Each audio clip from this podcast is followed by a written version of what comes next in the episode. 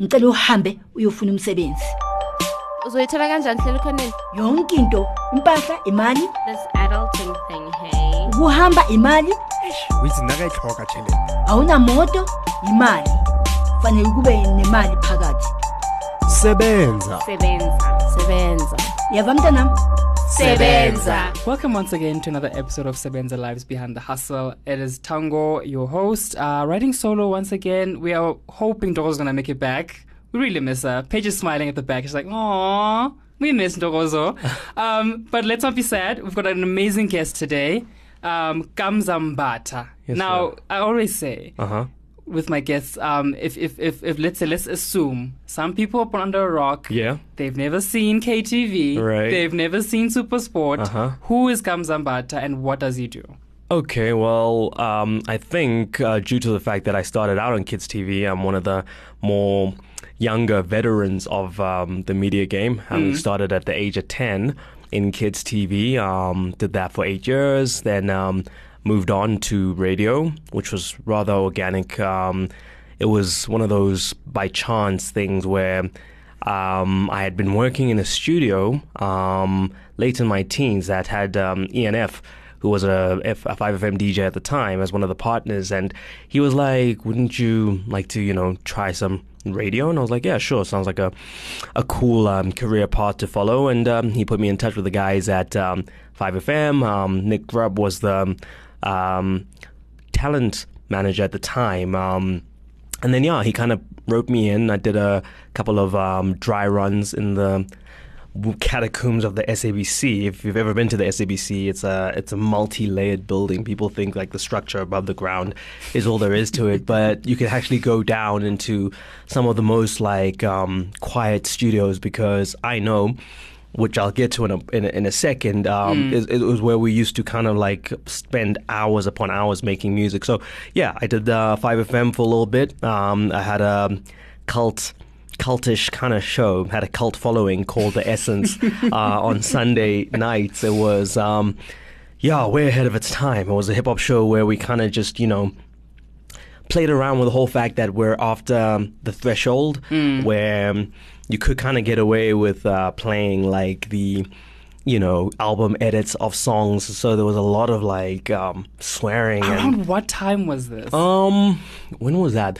That was around like 2003, 2004. Uh. Um, that I started in radio. So that show was like really born out of the fact that I was like this kid who had just stumbled across the internet, and it was early days. Um, but there were these hip hop forums and hip hop websites where a lot of the music was just kind of available to download, and so I just took it upon myself to put together the best at the time of what was available. And so I would take that, burn these CDs, and then mm. go to studio on a Sunday and kind of like play these, you know, songs that no one had ever heard, or if they had heard them, it was never on radio. It was because like you either listen to them in your own personal time, or your friend told them about, friend, friend told you about them.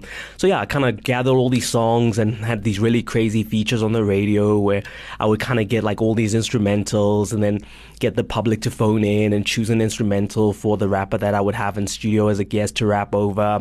And then we'd do stuff like where, you know, we kind of get a producer and play his whole catalog or go back and find the samples for songs that were sampled in hip hop and play the original and kind of mix them into the song. So it was a really creative outlet for me. Um, and then kind of was the start and spark for my passion for music. I mean, even at KTV, I mean, we had a CD player in the makeup room.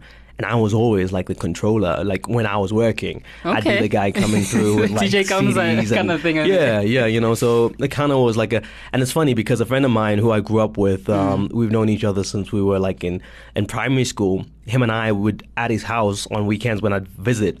He had one of those um, ghetto blasters and a tape recorder, and we were used to like fake radio shows in, in his bedroom uh, with his younger brother being a caller, and it was it was you know it's, it's, it's funny when I look back to it because that's how it all started. Um, Then the, the bug kind of got me with that radio show, I was able to kind of come my paths cross with a lot of rappers, a lot of um, guys like Pro Kid, Double HP, um, Guli Chana, and so it was a kind of natural progression when I met up with the guys um, of Entity.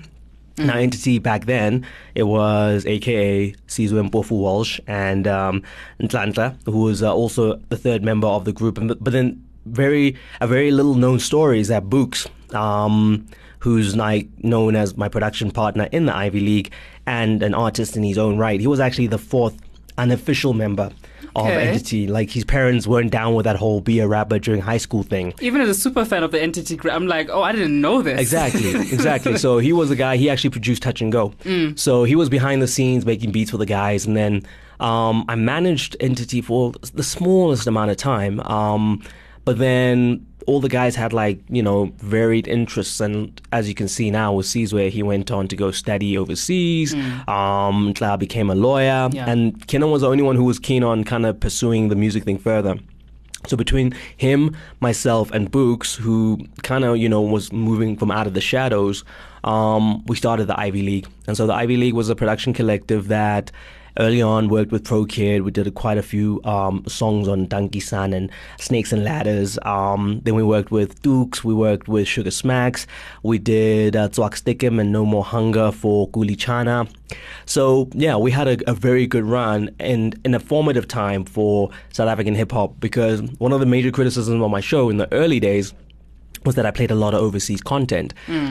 But then the reason I did that was because they kind of had set the benchmark, and I said, "Listen, I don't. I'll play whatever as long as you're good enough, uh, or as good as the song I played before, and are going to be as good as the song I play after. Then I'll I'll play your music."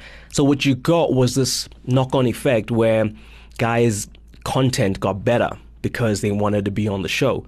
So I think you know subliminally it, it did this thing of like guys knowing that they had to kind of raise the bar, and so A barometer of sorts. yeah, yeah, yeah. Because they knew that, like, if I'm gonna be before an Immortal Technique song or after a Nas song, I literally have to be on that level. So it was great because um, the likes of Dome was a great producer around the time, and we kind of did songs for Pro together. And so there was a lot of stuff that he was doing with guys in DK, the likes of 985, who I had an infamous little beef with at the time, Oh. which got squashed. I mean, yeah, I mean, they, they were complaining that I wasn't playing a song, and I said it wasn't good enough. And then, you know, they came in the studio, and then one of the guys, when we were talking in the interview, because I wanted to get to the bottom of it and give them the right of reply, mm. dropped an f bomb on the on the radio, and yeah, it was it was. I mean, I think if Twitter existed back then, we would have been trending um, due to that altercation. So yeah, Ivy League developed, and then um, yeah, we you know did some songs. We put together obviously Kiernan's first mixtape, which was 24/7 366, and much of his first album as well. Um, until we all kind of parted ways and went on various paths. So yeah, that was that, and then I moved on to sport. Had a stint with Super Sport Yeah. um, for a couple of years, and then yeah, I just kind of felt like if I wanted to do something on my own, the time would be now. Now being maybe now what 18 to months ago to 24 months ago, where I said, you know what, I want to do something that is my own. Um, you're never gonna make all the money that you want working for someone else, um, and I just didn't see where I was headed. Um, it was a big brand to work for, but in all honesty, everyone was an island. You never got any sense of guidance as to this is where you fit in and this is where we see you in a couple of years' time. So because of that, um, and not having the security of a defined career path and just kind of operating in isolation, I, thought, okay, you know what? Don't have kids, not married. Um, if I'm gonna try something, probably now is the time. And that's when I left to um, pursue what I guess is unfinished business as far as um, the music Now, by- industry by, was by concerned. left is, is, is did you leave your your presenting or Yeah, I left. Uh, I left Supersport entirely um, to focus on starting a studio and um, kind of getting back into making music um, credibly. And so that's where we're at. I mean, for the past year, we've um, lots of ups and downs. I mean, starting a business is, is very difficult, um, especially in this current climate. A lot of people who have like a day job would think you're crazy to do that, and it does take um, a special kind of person to do it. Um, and you know there was some planning involved uh, resources you have to have obviously before you go into that and um, you're employing people you're you're looking to, to build something that may not provide the returns initially but if you stick it through and have a bigger vision and a plan and um, a black book of the right people to help you kind of um, grow what you're trying to do, then it's something that can be done. So that's where I am. I mean, um, business owner now, employ one person. Um, and him and I are kind of the creative force as far as the label and the music solutions company is con- concerned. So, music solutions being like an agency when people are looking for something that's music related for either a project, campaign, they can come and see us and we'll create something bespoke for them, um, kind of to a brief and trying to grow in that space. So, yeah, I mean, it's exciting, but it's also nerve wracking. I've not been as stressed I've kind of coasted through life um, with opportunity after opportunity after opportunity, which is great because I don't think any of it was due to me knowing anybody and that's why it happened. I think it's always people look at your body of work and look at your capability and um, they base it on that. I mean, Supersport, for instance, I had to audition just like everybody else. There was mm. a new mm. show called PSL News, kind of got in with that. And then once I was in, I was able to kind of finesse that into opportunities doing PSL matches. I did the Bundesliga when uh, Supersport still held the rights. Um, I, I, did a couple of big ga- matches. I remember doing the Derby, um, the, the El Clasico. Um, and that was very early in. And you know that was just a sign of of um, of trust from the person who put me there, having known.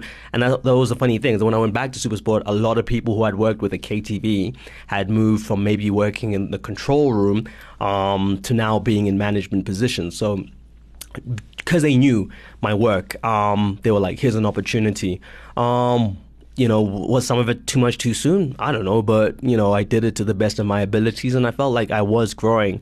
But you know, I the growth wasn't uh, good enough for me personally because I'm a very ambitious person. So eventually I was like, okay, cool. I think this has run its course. It wasn't itch that I'd wanted to scratch, and I think I'd done that. Mm. And lots of people will look back and ask me like, do you think you've done enough? And I, and I say, listen, I mean, my whole mantra throughout my life has been, if I'm not happy, I move I move on, and that's the way it should be. Um, but I was very fortunate because I think I put myself in a position where through the decisions I'd made growing up, I, I didn't have anything that was kind of forcing me to stay. You know, a lot of people, I'm sure a lot of the time, think about leaving their current work situation, but have a bond, have kids, have a family, have people to support, and they can't do that. Um, so I think I just used those opportunities because I remember I, I, had a lot of colleagues that I worked with at Supersport who were frustrated but couldn't do anything about it mm. because mm. this is the situation they found themselves in. And so I just thought, I don't want to be like that. I don't want to be here another couple of years and thinking, man, I really Should don't like, woulda. yeah, don't like being here and frustrated, and mm. yet I didn't do anything about it. Uh, but I think the capacity to do something about it de- depends on your situation as an individual. So I'll never judge anyone who couldn't do anything about it. Um, but I knew I had to kind of take my future into my own hands, and that's what I did.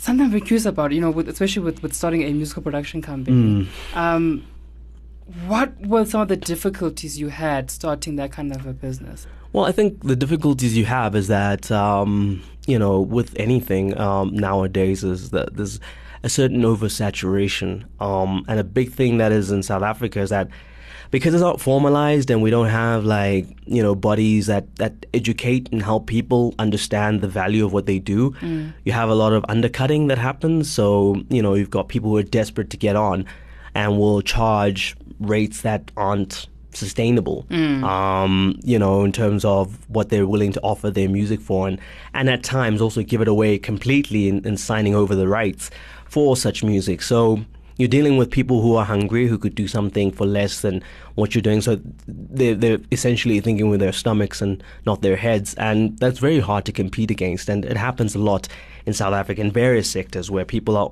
not speaking to each other. It's not like tango um, let us as creators make sure that this is the bottom, this is the benchmark as far as pricing is concerned, so that no one can come in and um, distort the market mm. by paying what's not really the going rate. So those are the, some of the challenges, and then there's a lot of protected interests. I think a lot of people realize that if you get into the right um, parts of the music industry, there's money to be made. Um, so that includes, you know, obviously kind of making music for ad campaigns and for big brands. So, you know, there's people who kind of monopolize that through understanding music. And that's a big thing that I realize is that a lot of young guys don't understand how it works. I mean, we've got this thing with Emtee happening now. Um, And it's, you know, music 101. You got to have a lawyer read through any contract that's put in front of you. And uh, a lot of labels, um, you know, some some of them will will use your your eagerness um, against you, knowing full well that you want to just be out there and performing and recording. They're going to put something in front of you that doesn't favor you, and because they know your excitement and your zeal will overtake your thinking, you're going to sign because you want to get on. You're not really going to pay attention to the, the details. And, you know, as the saying says, the devil is in the detail. Um, you can't, as a musician, think you're going to get given the world and, you know, someone's not going to expect anything back. Um, and that tends to be the case. I mean, you just hear a lot of it all over the years. Um, various labels have given their artists things, material things, and when it's time for the artist to move on, and when the artist wants to move on, they say, okay, sure, you can, but there's a, a tiny matter of this bill of things that we've kind of, you know, provided for you in advance, and you haven't made the money to pay them back yet. So we need to sort that out. So that's, you know, that's the nature of the business. Um, essentially, record companies are just huge banks with um, the relationships and the infrastructure to kind of amplify what you're doing, but I think the world has changed and things have leveled up a bit, you know, where you have a situation where, you know, guys can stay independent and be sustainable and make strategic partnerships with labels where it's certain services that you kind of take a la carte to help your end. Um, and there's no need now to sign full blown deals. It, it, it doesn't make any sense anymore because it hasn't changed. Instead, because of the diminished value of the physical recording and CDs and streaming and all this, they're now trying to get you know their money from other parts of the pie. So merchandising, performance now is a big thing. So a lot of deals you sign now Is with it a a good label. or bad thing, would you say? Um, I don't know. I just I think it's not bad if you have leverage. Problem is when you're a new artist and you're just kind of signing on, the label, rightfully so, will say they're taking all the risk. That's that's a fact. Um, so what you want to do is kind of work yourself up to a point, and you know if you get to a ceiling and you say this is as far as I can take myself, hopefully by that time you've amassed enough of a of, of a base of um, fans that a label can see that you know this guy's kind of worked himself up to a place where he's got a hundred thousand people following him. With our infrastructure and with that as a fan base, we can either grow it or monetize it. And so it's not a bad thing if you know what you're getting into um, and you're clear about what all parties are getting from each other. It's not a bad thing because you know some labels have um, other parts or have stakeholders overseas. If that's something you're trying to do, they can get you there easier within their own network. Um, so you know you have things like that where it can be beneficial, but you have to kind of go into it with your wi- eyes wide open. Now, you know, it, it, it- and it's something kind of inspired by the, the Emtee debacle Mm. sort of comes about. What is that relationship from producer to the different, you know, Well, I think? I think um, producers, you know, have um, the benefit of kind of operating in a sweet spot where you know you kind of create something for someone, and there's documentation in place, and you kind of let it go, and someone pays you for your services, and you kind of earn your royalties. But like I say, um, some producers don't know that after you've even sold a beat, you can still earn. And I mean, it's fair to say that you know sometimes someone will disclose that and you'll agree to it, but it doesn't have to be the case. Um, you know, if you contribute to a musical work, it's only kind of right that you you know benefit from it for the the length of the work being exploited. So that's why you have a lot of like older guys who who know the publishing game and know how it works and know that you just gotta you know have a stable of either writers or composers and let them do their thing sit back and exploit the music and then kind of see the income coming in. So in this day and age you have to kind of be you know multifaceted in your approach. So even for us as a studio a big part of it is publishing because i don't necessarily think that everything we make will be able to place here in sa so it's about strategic partnerships with people who have connections overseas who you can say, here's the body of work, take it, go forward with it. See if you can find someone who'll either use it the way it is, or sing on it, or whatever. And that's how you, you build up your publishing catalog. Um, and, you know, who knows? Maybe a movie will come along where they want to take a song and sync it. Maybe, I mean, you know, I'm, I'm speaking to a company now who have had great luck in kind of placing things from here overseas. Whereas here they'll meet a bit of resistance because, you know, it's it's a, it's a different kind of um, approach. Overseas, the brands are looking to the labels to say, put us on. Here, the labels are begging to be put on. So what you then have is a situation where they kind of just go with the safe bets. So if a song is huge, then yeah, of course we're gonna kind of put it with an ad campaign. But there's no nuance of like, you know, you, you'll see an Apple campaign and it'll be a song that you've never heard of, but is a great song. Someone did their homework. Someone got the A and R right. Someone went and found a song that might not be big, but speaks to the message that's been communicated in the campaign. Hmm. So you know that, that that you want to operate in a market like that because not everyone's trying to make chart-topping hits, and you don't need that to be the case all the time. Um, I think there's a there's room for subtlety overseas. Um, here, not so much. You know, I think people always, like I say, go for the big bets, the big songs, who's done well, um, and you a know, numbers game. It's a numbers game, yeah. Um, whereas it's a bit more nuanced overseas. Do you think there could ever be a time where both entertainment industry, and I mean now from the visual perspective, Mm-hmm. and the music industry can come to a point where there's going to be bigger changes? Um, it's it's tough to say. I think it takes a visionary. It takes someone on the other side of the table to say, "Listen, guys, approach it in, in this way. Go find me songs that are kind of subtle." And you know that's why you have a lot of like sound alikes when you listen to an ad. You know you'll be like, "That sounds familiar," and it's because they've kind of taken something that exists already, replayed it, and you know made it familiar. That no one wants to take that risk of saying, "Listen, no one knows this song, but it's so on the nose for what we're trying to do. Let's use it." Um, I don't know. I mean, for me, I just see the trend. Anyone who's trying to do something on a highly recognized and highly credible stage, I'll, I'll take Trevor Noah, I'll take Loyiso Gola, I'll take guys who've, who've seen the need to move out of South Africa to kind of, you know, box with the best.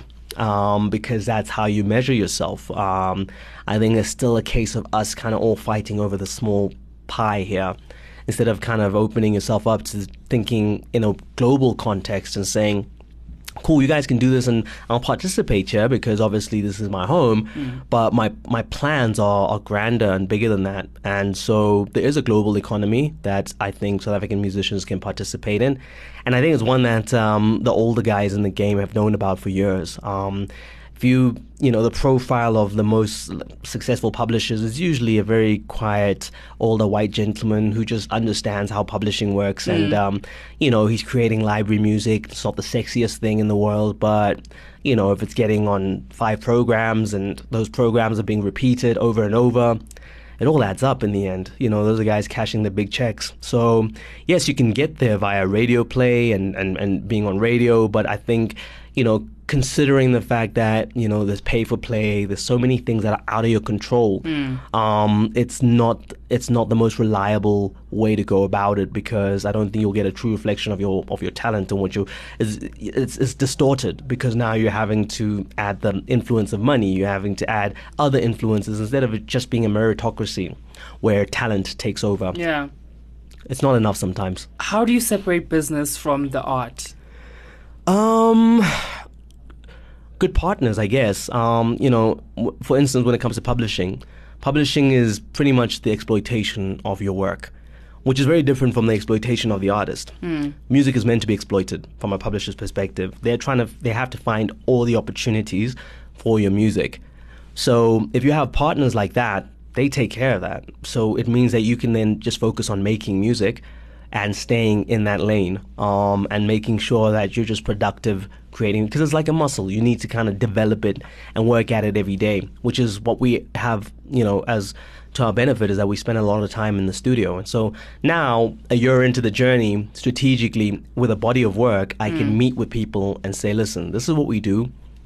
How can you kind of fit in And so that's what it is. It's like you, you, you take on as much as you can initially, and then you hope to off- offload some of the critical skill sets and, and, and needs to people who know what they're doing. And there's publishers out there who've been doing it a long time. You always have to kind of make sure that they're going to give you a personalized service because some mm. people take you on as a publisher and just sit on your music hoping to collect from whatever happens with the music without actively going out there and exploiting it. It happens a lot. Um, so you have to find someone who's going to take your music and, as their mandate, go out there and try find opportunities for it to work more than just it existing on the um, streaming sites or on YouTube or whatever. And even then, um, you still need people who are forward thinking and know about the technologies that listen out for that stuff because the, your music could be, you know, as a South African artist getting played um, in Norway by someone watching your music video um, or someone's playlist or who's influential and got people who are looking at the playlist and you know all these views. It's all income. So you need people who know how to track that and get you your money so you know when speaking to the publisher one of the challenges he was saying that Africa uh, faces that people don't know that they don't know that if your song is like if you're a Kenyan artist and your song is playing in Europe somewhere It's good, it's that, good. that that you gotta get your money Yeah. um, coming your way. You know, a lot of people just kind of make music with um, mindset to perform it, and don't realize that public uh, publishing is a huge income stream if you have people who know what they're doing, looking after your best interests. Mm. What advice would you give to a young Kamza out there, be her a woman, a young man, Mm. in terms of really taking that risk and going, okay, listen, I know what I want to do. This is the industry I love, and I want to go out there and really accomplish this. Um, I think um, just have to be realistic that it doesn't happen overnight. Like I say, we've been running for a year.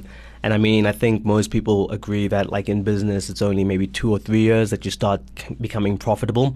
Um, and so you have to kind of give yourself that padding um, to know that it's not going to be, you know, great for that first um, year or two and that you have other ways to kind of monetize your skill.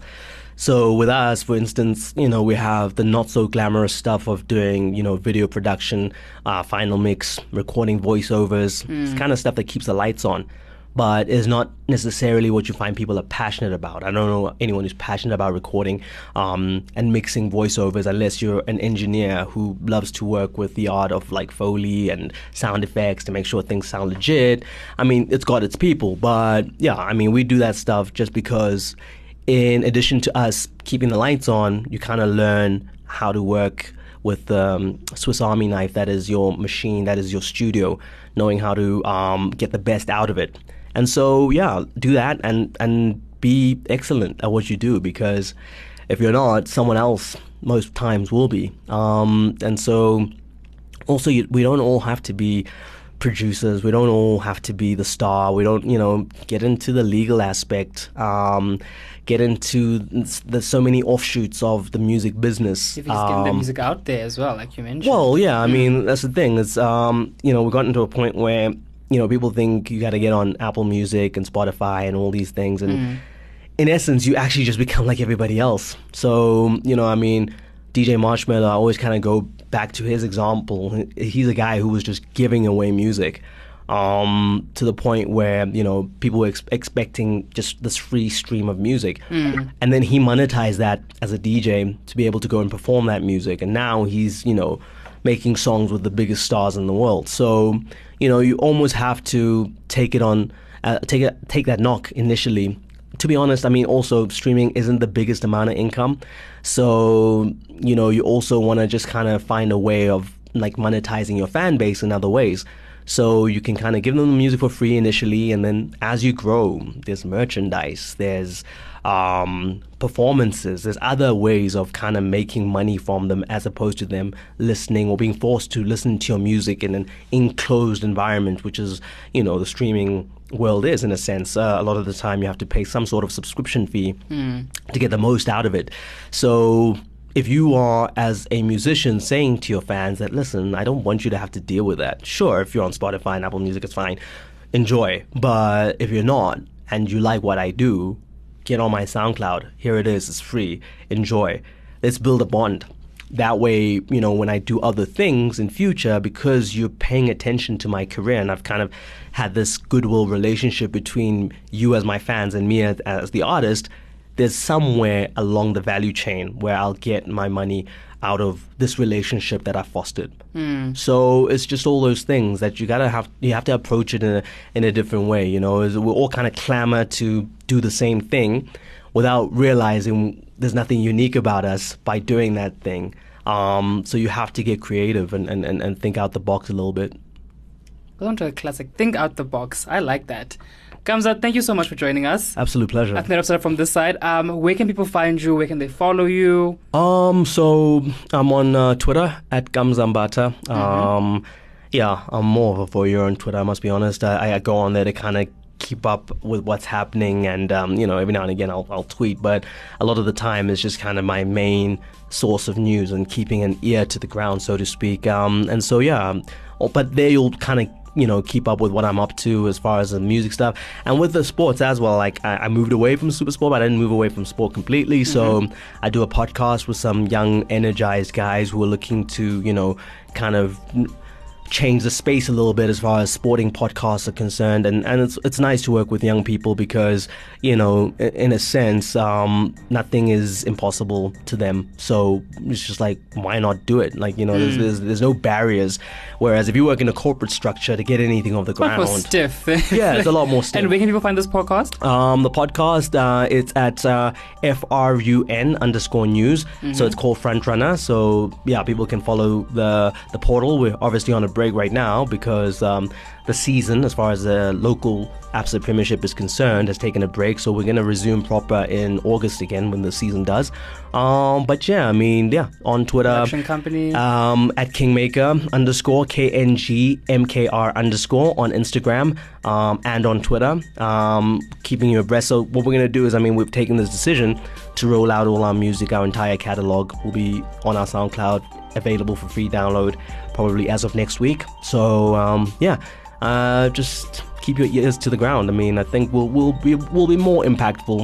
Um, I think we've kind of spent the last year just incubating ourselves and learning our craft and learning the landscape. And hopefully, now that we know what we know, we'll be able to leverage that into um, other positions. Love it. Right. Thank you so much again for joining us. Um, Not a problem. Make sure to tweet us at Sebenza Live um, on Instagram and also just DM us on something on Twitter if you have any more new news to share with us.